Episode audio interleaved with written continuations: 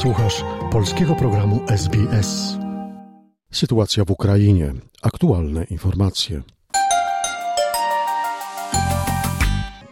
Prezydent Ukrainy Wołodymyr Zełenski podziękował wszystkim walczącym z rosyjskim terrorem. W wieczornym wystąpieniu opublikowanym w mediach społecznościowych ukraiński prezydent poinformował, że w czwartek tylko w pierwszej połowie dnia w Kijowie doszło do czterech alarmów powietrznych.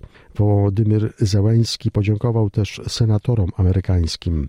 І хочу подякувати також американським сенаторам, які одноголосно схвалили. Chciałbym też podziękować amerykańskim senatorom, którzy jednogłośnie przyjęli rezolucję wzywającą Departament Stanu do uznania Rosji za państwo sponsorujące terroryzm. Możemy zobaczyć każdego dnia od początku inwazji Rosji, że nikt na świecie nie inwestuje w terroryzm bardziej niż Rosja.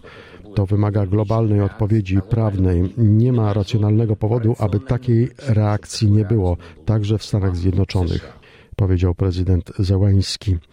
Oleksij Chromow, zastępca szefa Głównego Wydziału Operacyjnego Sztabu Generalnego Armii Ukrainy, poinformował, że armia rosyjska zaatakowała obwód kijowski z rejonu Krymu. Wczoraj wystrzelono sześć pocisków manewrujących, powiedział Oleksij Chromow. Сьогодні близько п'ятої години ранку противник наніс ракетний удар шістьма крилатими ракетами. Dzisiaj około 5 rano wróg dokonał ataku rakietowego sześcioma pociskami manewrującymi typu kalibr. Celem była jednostka wojskowa w miejscowości Lutesz w obwodzie kijowskim. Mamy informację, że jeden budynek został zniszczony, a dwa uszkodzone. Ponadto jeden pocisk manewrujący został zestrzelony nad kamieniołomem buczarskim. Wróg odpalił rakiety z wód Morza Czarnego i rejonu przylądka Fiolenc. Rosjanie ostrzeliwują za pomocą rakiet również ukraińskie miasta oddalone od linii frontu. Co najmniej pięć osób zginęło w takim właśnie ataku na miasto Kropywnicki w centralnej części Ukrainy. Od początku lipca rosyjskie wojsko przeprowadziło na Ukrainie 49 ataków rakietowych i 44 lotnicze.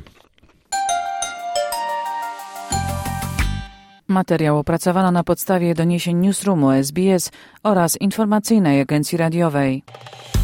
Polub nas na Facebooku, udostępnij innym, skomentuj, bądź z nami na polskim Facebooku SBS.